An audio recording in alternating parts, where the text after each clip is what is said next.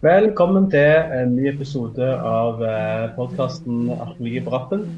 Som er podkasten til tidsskriftet 'Primitive tider'. eh, Som er et av de få fagfellevurderte arkeologiske tidsskriftene i, Norge som publiserer på norsk og engelsk. Eh, I denne episoden så har vi et eh, lite jubileum, faktisk. Så dette er så vidt jeg kan se, så dette er episode nummer 30. Eh, Så det er jo en høydere. Og i den store skya av eh, gode tilbakemeldinger som vi får på uh, podkasten vår, så har til tider òg hagla inn en del kommentarer om eh, dårlig lyd. Eh, så i denne episoden så prøver jeg et nytt system så jeg håper skal gi eh, litt bedre lyd til dere lyttere. Eh, I den forrige utgaven vår av eh, tidsskriftet, så var den 24. utgivelsen vår, så hadde vi ikke mindre enn tre artikler som eh, eh, hadde middelalder som, eh, som, tema. Og det var jo eh, Terje Bratteli sin artikkel om Klemenskirken. Den har vi jo pratet om i en tidligere episode. Og så hadde vi episoden til Monica Kristiansen og et alt, kan man si. Så handler om kartlegging av middelalderske kirkesteder i Norge med georadar.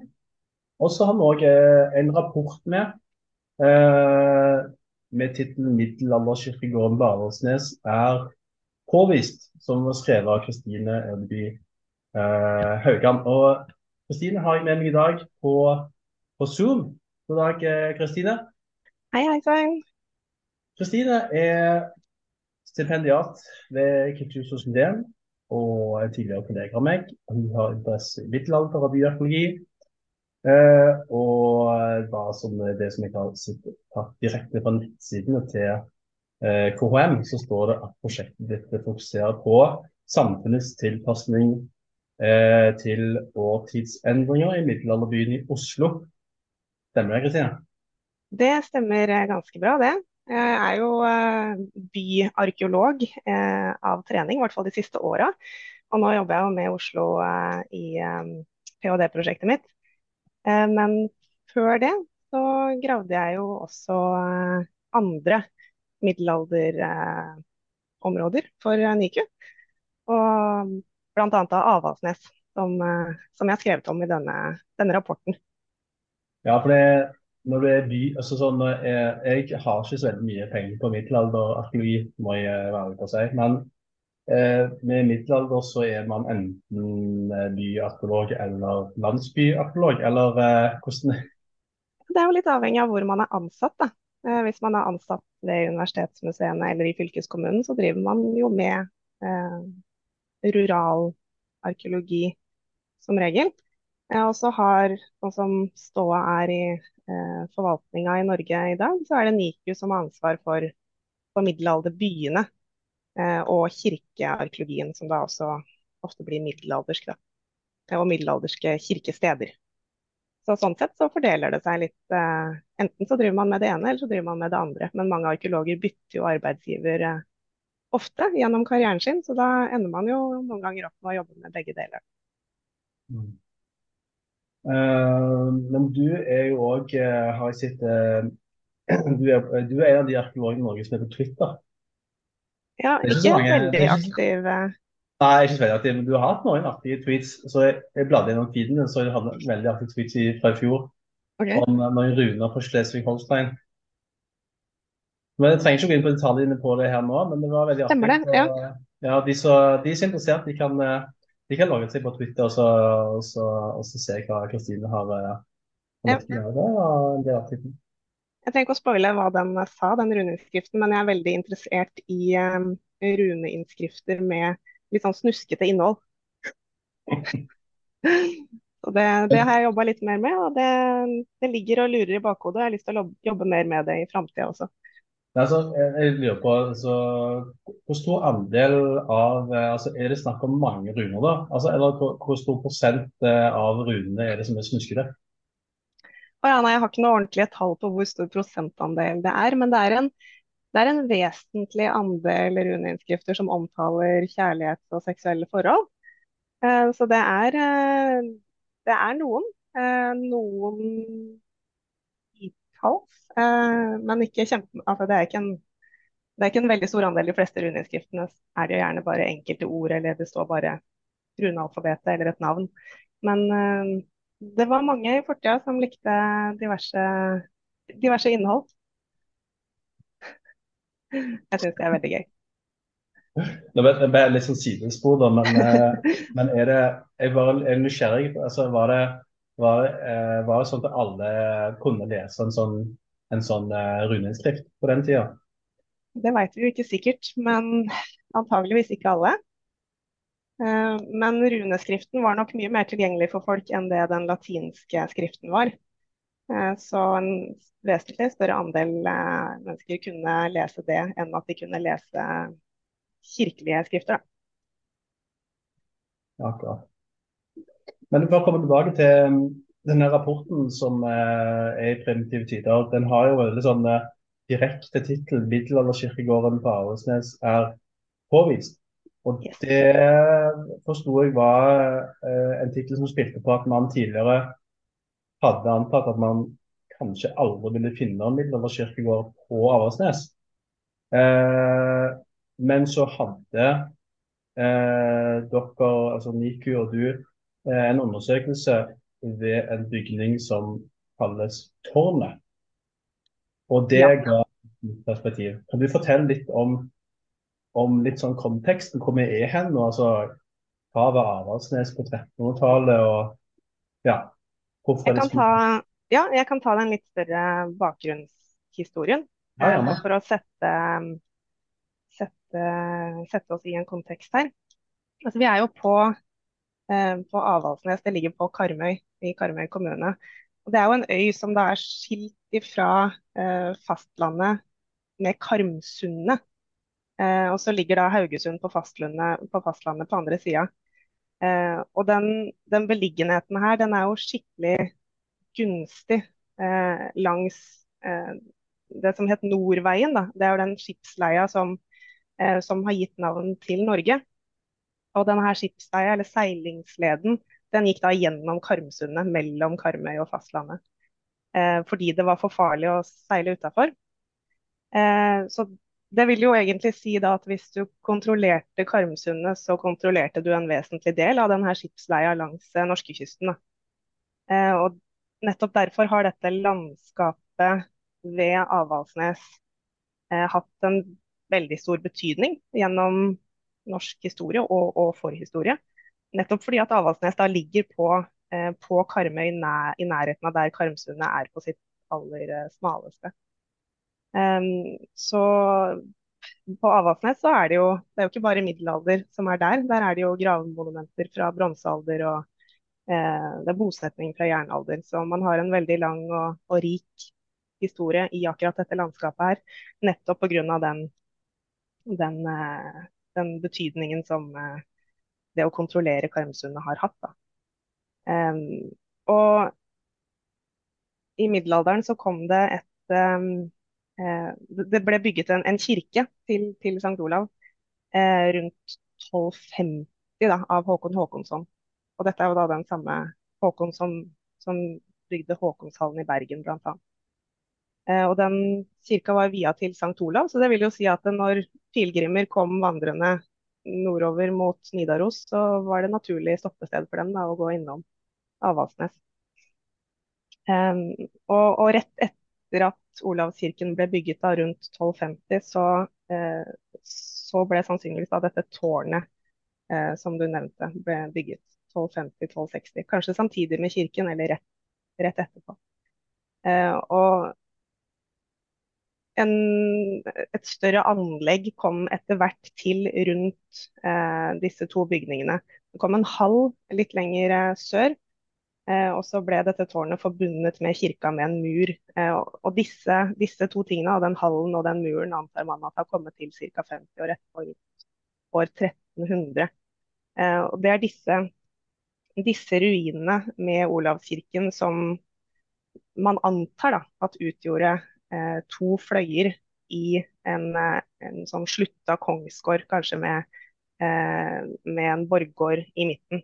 Så kirka utgjorde nord, vestfløyen, og den, dette tårnet og den hallen utgjorde østfløyen.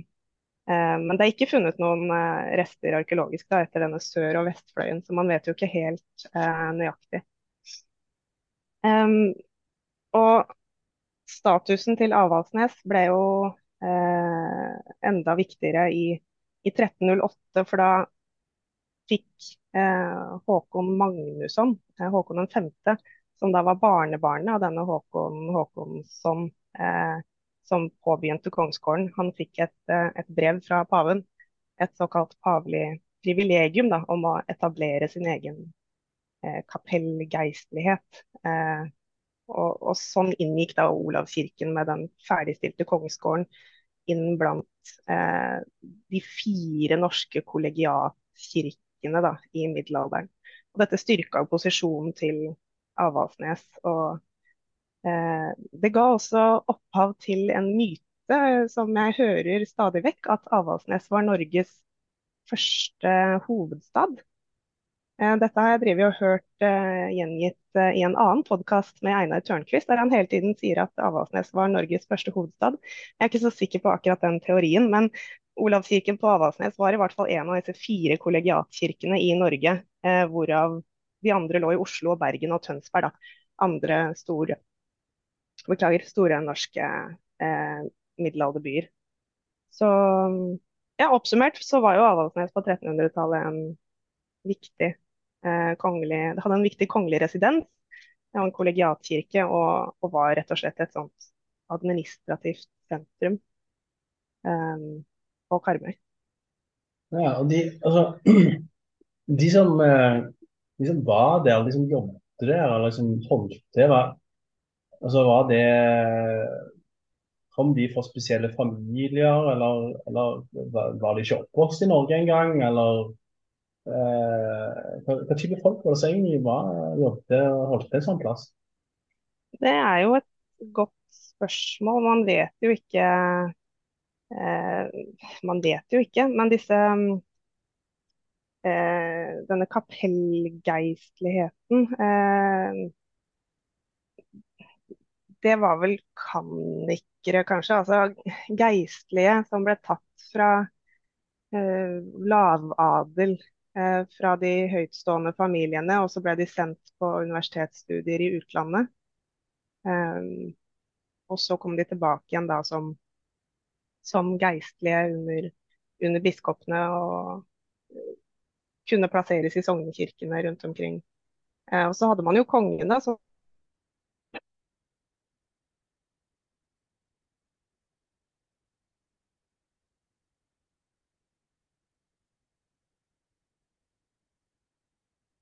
Ja, um, og utover det så var det uh, Kan du gjenta det bare bitte litt? Det kom litt sånn dårlig kontakt. Jeg tror det, det hakket litt Ja, Ja, jeg kan ta fra, fra kongen. Um, ja.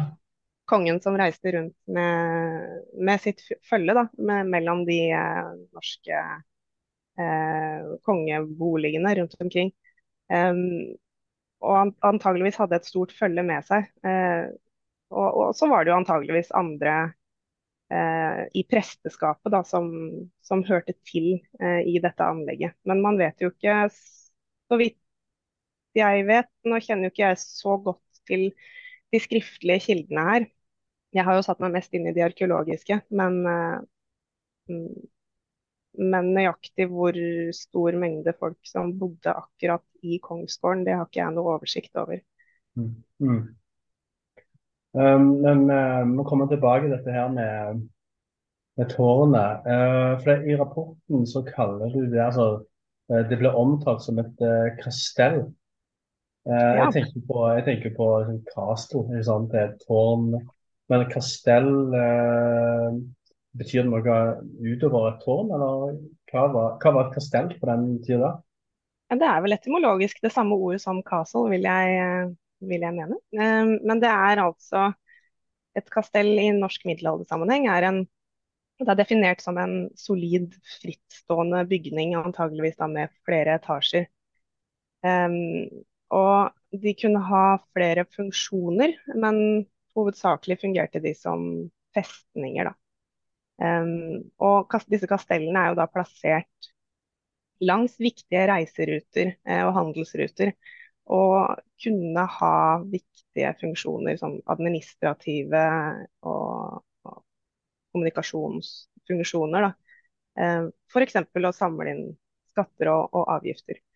Ja. Um, men um, og, og, denne tolkningen passer jo egentlig veldig godt inn at det skal være et, et kastell da, eh, på Avaldsnes på grunn, nettopp pga. denne viktige strategiske plasseringa som, som Avaldsnes hadde i landskapet.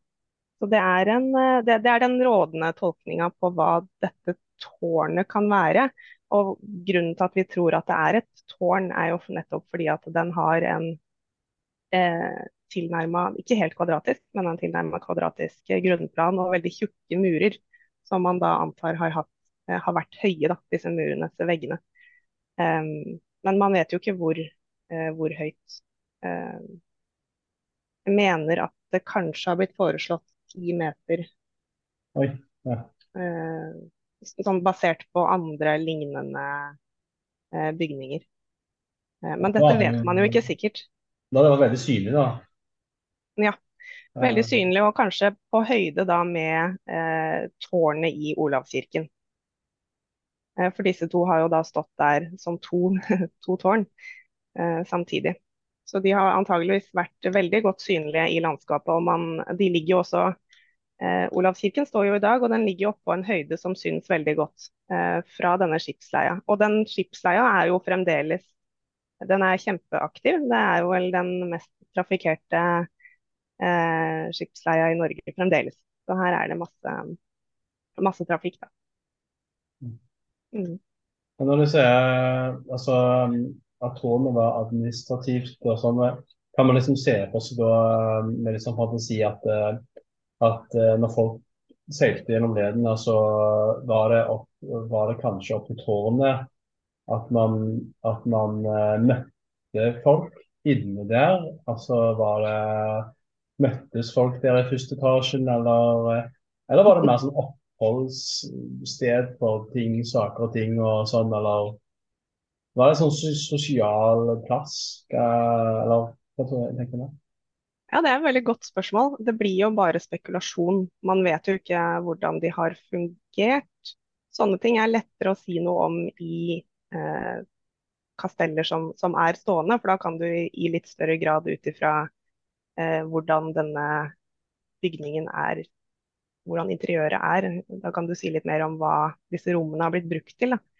Men man vet jo ikke, det kan jo ha vært privatbolig også eh, i en eller flere av disse etasjene. Eh, så nøyaktig hvor ting har foregått og hvordan ting har foregått, det klarer jeg nesten ikke å spekulere i. Eh, uten å ha kjennskap til mer hvordan sånt har fungert da, i andre, mm. andre tårn.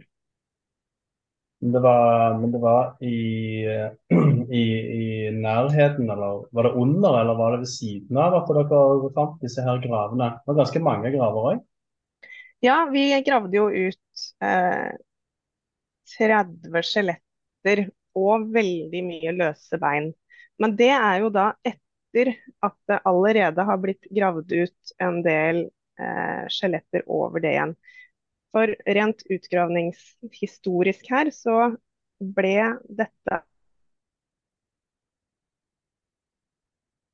anlegget først oppdaga eh, i 2011 eller 2012 ved Kongsgård-prosjektet til Kulturhistorisk museum. Og da delvis gravd ut. Eh, man visste jo ikke hvor eh, Kongsgården lå hen før det.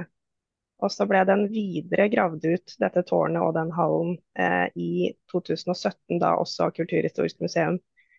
Eh, og da ble det fjerna, i forbindelse med den 2017-gravingen, ble det fjerna flere graver. Eh, og gravd ut veldig mye av denne kirkegårdsjorda, som da er en veldig sånn typisk ting for oss eh, kirkegårdsarkeologer. Kirkegårdsjord er jo bare omrota eh, masser med løse bein i, nettopp fordi at det har vært gravlegginger over så lang tid i denne jorda at det har blitt bare en sånn løs eh, masse, og at eldre graver under har blitt veldig forstyrra. Men da vi gravde der i 2020, eh, så gravde vi på et dypere nivå. enn det KM gjorde. Og eh, etter hvert så kom vi da under denne kirkegårdsjorda eh, og ned på noen lag som virka eldre. Eh, noen jordlag som virka eldre og, og, ikke sånn løs og omrota. Og i disse jordlagene, da, og til og med helt ned på, eh, på berget, altså gravd ned i fjellet, var det da graver eh, som var tilnærma komplette skjeletter. Eh, og noen av disse tenkte vi at her var det potensialet for at de kunne være eldre. Eh, for veldig mange av de skjelettene vi gravde, var veldig tydelig ikke middelalderske. Dvs. Si at de hadde eh, gjenstander med seg i graven, noe som de ikke drev med i middelalderen. Og at de hadde eh, rester av moderne klær på seg. Så eh, de kan man veldig lett avskrive da, som, som ikke-middelalderske. Men eh, dypere ned så var det da eh, graver som ikke hadde noen andre gjenstander rundt som kunne si noe om datering. Og da, da valgte vi altså å sende, sende noen prøver eh, til datering. Og det ble eh, Overraskelse? Ble, jeg ble veldig overraska, i hvert fall. Jeg hadde jo håpt at vi skulle finne eh, middelalderkirkegården. Ved siden av at det har blitt gravd såpass eh, før, eh, og det har bare blitt påvist etter reformatoriske graver, så har man tidligere da vurdert sannsynligheten for lav, da, til å være lav, til å påvise denne middelalderkirkegården. Men eh, tre eh, skjeletter fikk vi datert til, eh, en, til høymiddelalder. En periode mellom 1275 og 1370-tallet. Um, og dette tilsier jo da at de ble gravlagt etter at tårnet, eller da kastellet, hvis vi skal kalle det det, ble, ble bygd. Uh, det ble gravlagt mellom 25 og 150 år da etter at tårnet ble bygd. Så det er mulig å tolke det sånn at det har blitt gjort gravlegginger inne i det tårnet i høymiddelalderen. Og det er eh, interessant, det, fordi vanligvis så finner man jo ikke graver inne i ikke-kirkelige bygninger på den måten der. Og det, det kan jeg godt si litt om. Ja, absolutt. Bare snakk.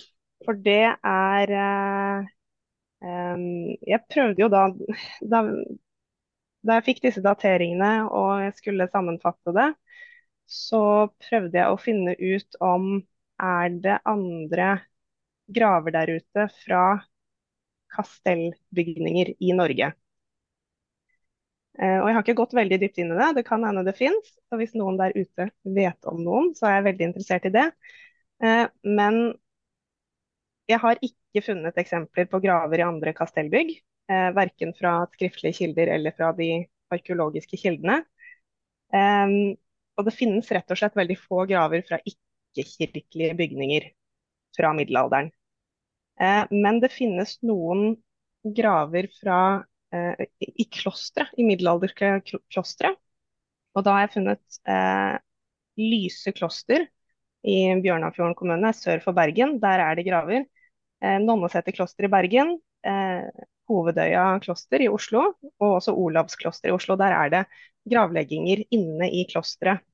Eh, og disse begravelsene inne i klosteret, det var Vi vet jo ikke sikkert, men sannsynligvis så var det for de som hadde stifta klostrene, og for konger og dronninger og kanskje andre høytstående geistlige.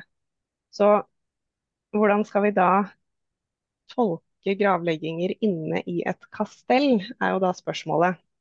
Så kanskje, hvis, eh, hvis dette tårnet har hatt en kastellfunksjon, så har det vært en eh, militær funksjon. Så kanskje kan høytstående militære ha blitt gravlagt eh, der. Eller kanskje da medlemmer av kongens kapellgeistlighet, eh, altså presteskapet, eh, siden det ligger så nærme Olavskirken. Um, og dateringene tilsier jo at det har blitt gravlagt eh, at disse gravene ble lagt ned i og rett utenfor dette tårnet etter at det ble bygget. De kan ikke være eldre. Eh, så det er kjempeinteressant at man har eksempler på sånne gravlegginger. For det stiller jo da litt spørsmål også, og belyser en helt annen måte. Da belyser funksjonen til eh, denne bygningen. Um, mm. Ja, det er jo kjempespennende. Og uh, du, du, nevner òg at, uh, at hvis, var et eller annet, hvis dateringene hadde vært på en måte litt, litt yngre, altså litt nærmere vår tid, så kunne det vært knytta til en eller annen til en eller annen hendelse. Var det hanseaten, eller var det Nei, du sa helt feil nå. Det var noe som skjedde der. Ja, det er helt riktig. Altså det, det er, eh, det er jo et spenn da, i disse dateringene. Eh, og den mest sannsynlige Når man får C14-dateringer, så får man jo et, eh, et, spenn i hva som er mest og hva som er mindre sannsynlig at disse, det man har datert er ifra. Og det spennet vi har, det er 1275 til 1370-tallet. Og nå var det jo sånn da at det var et angrep på kongsgården i 1368. Det var hansiatene som angrep. Um, det er jo en hendelse som man kjenner da fra skriftlige kilder. Det er ikke funnet det er jo ikke funnet noen spor arkeologisk av dette angrepet på kongsgården. I hvert fall ikke i de undersøkelsene som har blitt gjort fram til nå. Men fra skriftlige kilder så vet vi at det kom et eh, I etterkant av dette angrepet så kom det et erstatningskrav per brev da, som sier at store deler av Kongsgårdskomplekset ble ødelagt. Men vi tror ikke at det ble helt ødelagt, for det, seks år etter dette angrepet så ble det sendt brev derfra. Så det indikerer jo at det var en residens der fremdeles, at det ikke ble helt jevna med jorda. Så det er en viss sannsynlighet for at bare dette tårnet, eh, eller kastellet, da, ble ødelagt. Um, men at hallen lenger sør, uh, som da kanskje var en, delvis en residens ble stående eller ikke helt drevet. Um, så det er jo også interessant hvis det har seg sånn at disse gravene kan være fra etter dette angrepet. Mm. For da har man foretatt begravelser inni en ruin. Um, og det antyder jo igjen at man ikke anså eh, bygningen som helt ferdig brukt, eh, men at man planla å bygge den opp igjen, eller at den kanskje endra funksjon. Um, så begge disse eh, tidspunktene for mulig gravleggelse, enten før hanseatenes angrep eller etter, er egentlig veldig interessante muligheter. Men nå er det jo altså da størst sannsynlighet for at det var gravlegginger før angrepet, mens eh, denne bygningen var stående. Ja, det er jo kjempespennende. Jeg, jeg ser Når du snakker om det, så ser jeg for meg et sånt, eh, en sånn 80 eh, år gammel eh, munk eller et eller annet. Eller en type som har jobbet i tårnet siden han var 15. Og så, og så dør han under et angrep, og sier at sånn, ja, han var der jo så mye, så han ble gravlagt Ja, Et eller annet sånn. Ja, men det er ikke helt usannsynlig at de som da har hatt en, en sterk tilknytning til denne bygningen, har eh, latt seg begrave der. Det er jo helt Så det er et uh, fint bilde. ja, det er jo helt utrolig. Altså, sånn, ja. Nei, men Det er en veldig spennende historie. ikke sant? Og, og, uh, men hva er Du må jo fortelle litt om hva som er, hva som er neste, um, neste, neste skritt i denne forskningen. Eller, eller eh, skjer det noe mer nå? Altså, sånn, nå i framtida? Publisering, ja. undersøkelser, er det, er det mer? Absolutt, det er mer. Altså, grunnen til at denne undersøkelsen, um, denne utgravningen vi hadde i 2020 skjedde, er jo fordi at først ble det funnet i 2011-2012, og så ble det fullstendig utgravd i 2017. Og da bestemte eh, Karmøy kommune, som, som, eier dette anlegget, at, at de eh, gjerne ville konservere det og, og, vise det fram. Så det skal bli et eh, flott eh, utendørs der. Så i forbindelse med, med denne eh, denne konserveringen av selve ruinen, så, eh, så gravde vi eh, litt dypere og gravde spesifikke steder for å avklare tolkninger og for å grave frem elementer da, som skal vises fram i dette museet. Eh, og det arbeidet er ikke ferdig.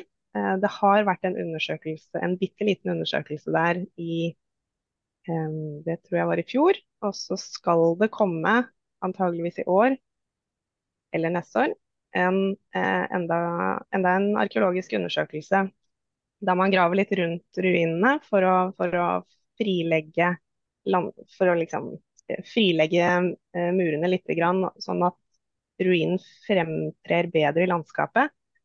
Og da tror jeg at når man graver rundt tårnet, så vil man helt definitivt komme på ganske mange flere graver.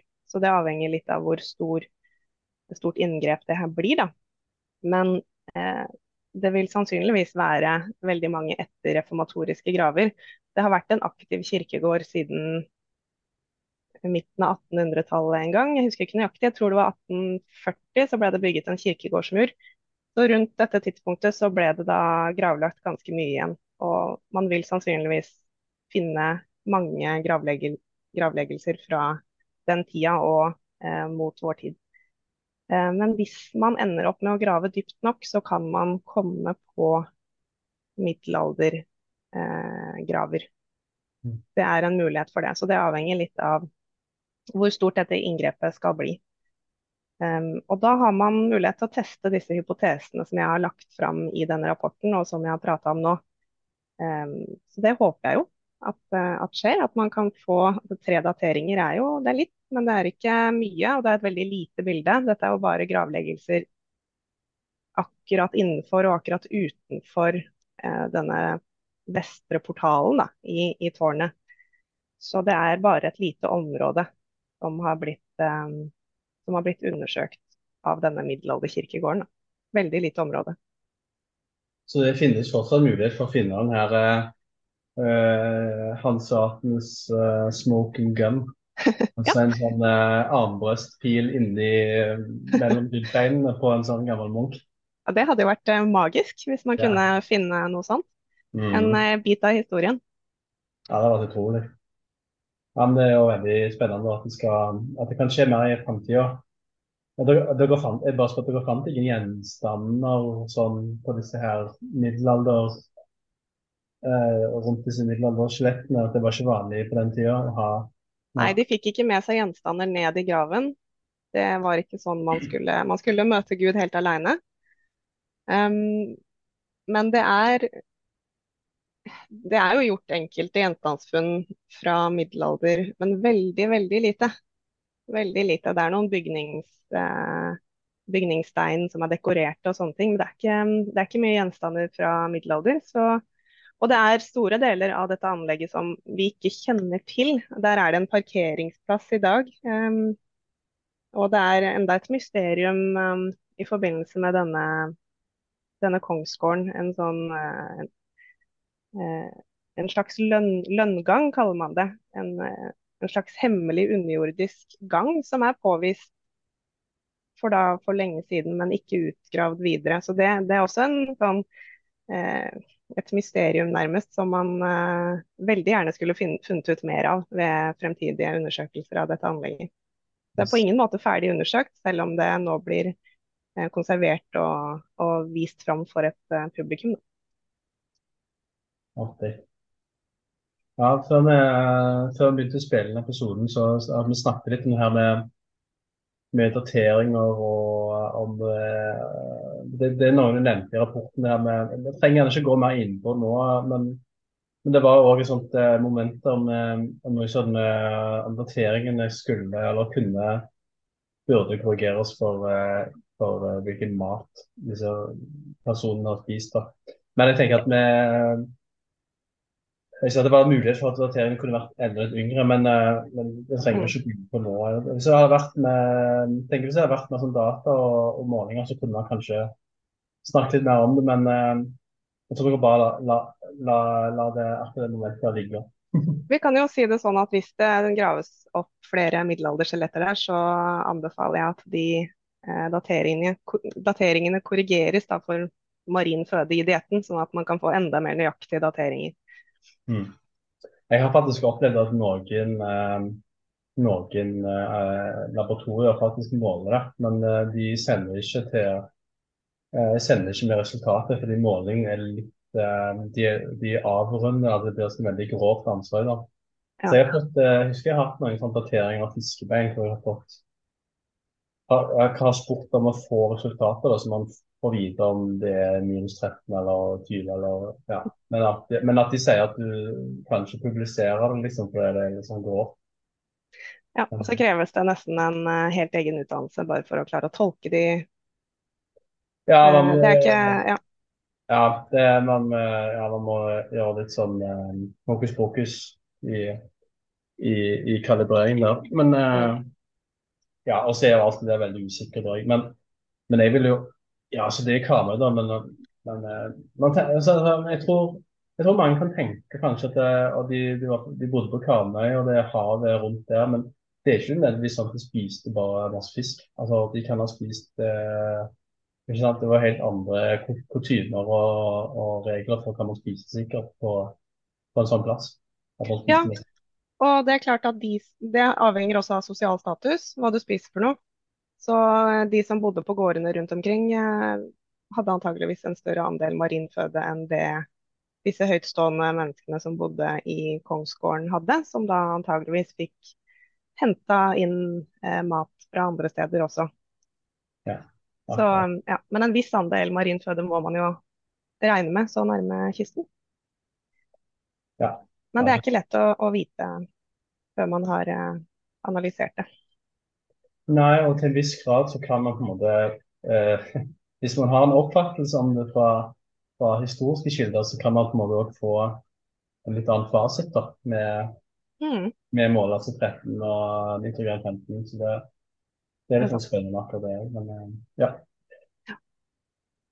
Men så artig. Eh, Jeg vil jo eh, ønske deg bare lykke til videre med, med, med avhandlingsarbeidet ditt, for det er jo det du jobber med, med nå, tenker jeg. Det er, ja, det er ikke dette jeg egentlig jobber med eh, nå lenger. Men det har vært veldig spennende å, å se tilbake på den rapporten. Og så kommer det en oppsummerende artikkel eh, etter Karmøy-seminaret i fjor. Så kommer det en oppsummerende artikkel i en antologi som jeg skriver sammen med Erlend Nordli. Eh, som også tar opp i seg eh, denne her tematikken. Det kommer mer. Kjempespennende. Og for alle som eh, hører på, så ligger den rapporten til Kristine ligger jo eh, ute online som åpen for alle som har lyst. Det er en litt kronglete nettadresse, men som bare googler 'primitive tider', så eh, finner man fort ut igjen. Så da vil jeg bare si tusen takk til deg, Kristine. Og vi snakkes snart igjen, sikkert. Det gjør vi. Tusen takk for invitasjonen. Takk skal du ha.